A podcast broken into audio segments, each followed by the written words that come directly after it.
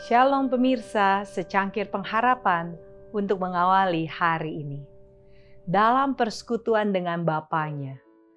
Tetapi datanglah seorang mendapatkan mereka dengan kabar. Lihat, orang-orang yang telah kamu masukkan ke dalam penjara ada di dalam bait Allah. Dan mereka mengajar orang banyak. Maka pergilah kepala pengawal serta orang-orangnya ke bait Allah lalu mengambil kedua rasul itu, tetapi tidak dengan kekerasan, karena mereka takut kalau-kalau orang banyak melempari mereka. Kisah para Rasul 5 ayat 25 dan 26. Kristus menemukan penghiburan dan sukacita dalam persekutuan dengan Bapaknya. Di sini dia dapat melepaskan beban hatinya dari kesedihan yang meremukkan dia.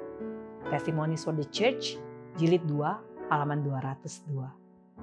Sebagai manusia, dia merasakan kebutuhannya akan kekuatan dari Bapaknya. Dia telah memilih tempat untuk berdoa. Dia suka mengadakan persekutuan dengan Bapaknya dalam kesunyian gunung. Dalam latihan ini, jiwa manusiawinya yang kudus dikuatkan untuk tugas-tugas dan pencobaan-pencobaan hari itu. Juru selamat kita mengenali dirinya dengan kebutuhan dan kelemahan kita. Dalam hal dia menjadi pemohon. Pemohon setiap malam mendapatkan dari Bapaknya persediaan kekuatan baru untuk tampil dengan kekuatan dan kesegaran, bersiap untuk tugas dan pencobaan.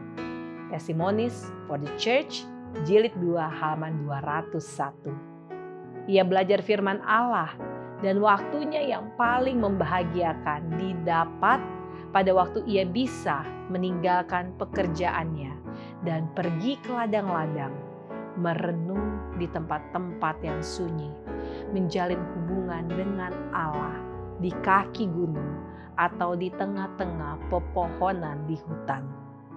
Sering pada pagi buta, ia ditemukan berada di tempat yang terasing, merenung, menyelidik kitab suci, atau sedang berdoa. Dengan nyanyian, ia menyambut sinar fajar.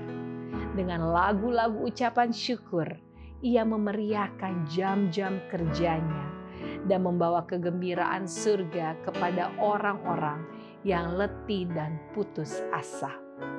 Seri Membina Jilid 4 halaman 40. Demikianlah renungan kita hari ini.